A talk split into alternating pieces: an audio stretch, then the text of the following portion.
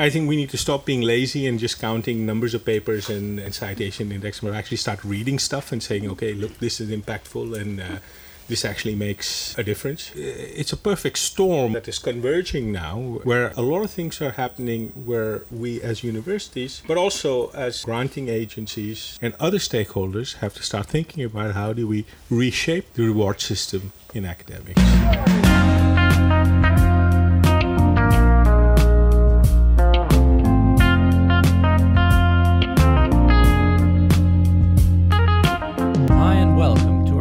Episode of VU Library Live, a podcast hosted by the University Library of Vrije Universiteit Amsterdam, in which we speak with researchers and lecturers about new developments in academia. You can attend our Library Live events in person or listen to them as a podcast.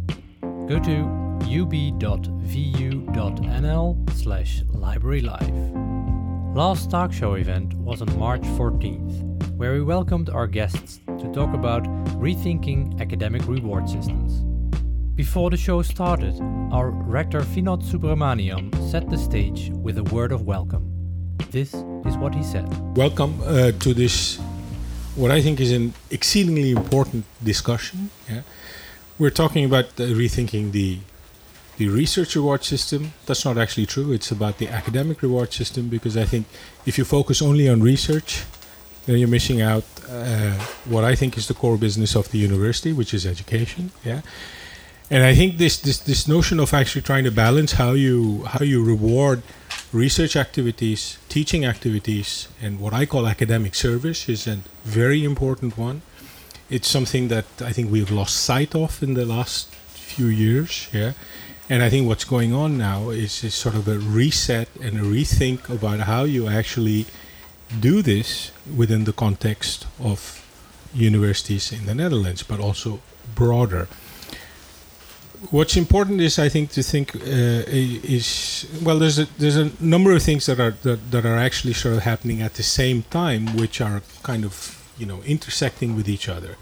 The notion of, of academic reward systems. You know, how do you how do you assess this? Uh, you will be talking about your you know societal impact. I mean, you're in the Parool with Jaap, you know, every couple of weeks. Uh, you're on, you know, how does that compare and contrast to what we have traditionally done, which is look at you know impact factors and citations and H indices and that sort of stuff, which you know is I think a little bit uh, behind the times because impact is far more than just that sort of. Uh, measurable impact. You know, what about using altmetrics to see other uh, you know measures of impact? You know, I always use the example of the of the medical researchers who actually end up uh, creating a guideline which is used by every uh, you know GP or practitioner in the uh, in the country and and you know is that now more impactful than a nature paper which has a thousand citations or not i think my answer is very clear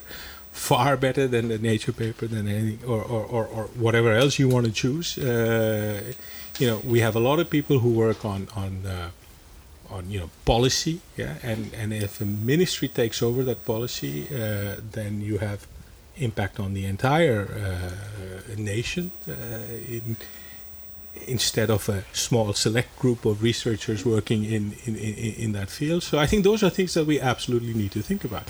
What you see is that the, the collective universities in the Netherlands are starting to think about this. Uh, I think Frank uh, Miedema, who's one of the guests today, has been thinking about this in terms of Science in Transition and saying, look, how do we do this differently?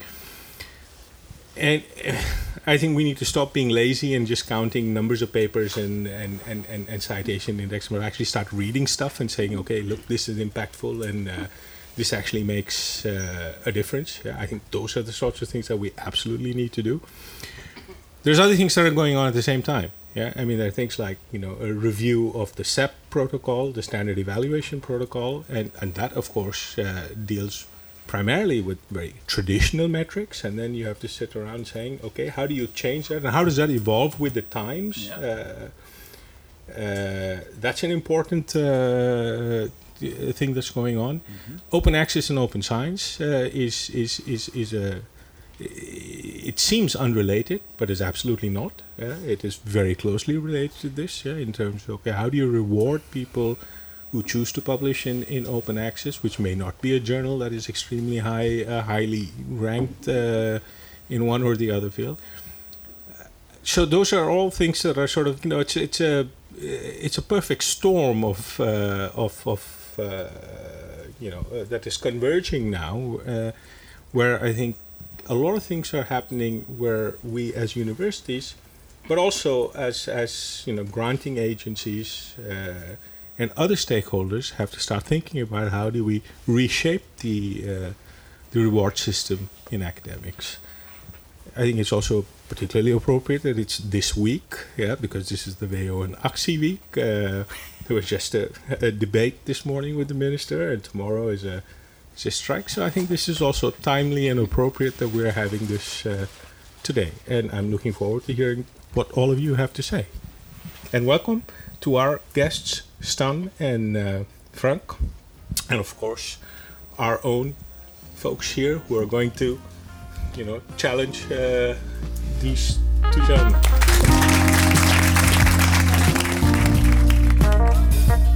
Did you know that more than 22,000 patents and policy reports are using research from the VU and VU Medical Center to make new technologies and helping governments and NGOs making decisions based on facts? The VU Library offers a free Altmetric Explorer service for VU University and VU Medical Center researchers. This will help you gain more insight into how your research is getting used by society and to bring something else in the conversation with your evaluators other than the usual. For a quick guide, go to bit.ly slash vu dash social attention. When you want to showcase more than only your publications, you can try adding datasets, software, policy reports, lectures, public speeches, and so forth to your pure profile. Go to research.vu.nl or research.vumc.nl, scroll down to the bottom, and log in. Find more Library Live podcasts at bit.ly slash vu library live. Please share this podcast with your friends and colleagues. Give us a nice rating, subscribe, and Till next time.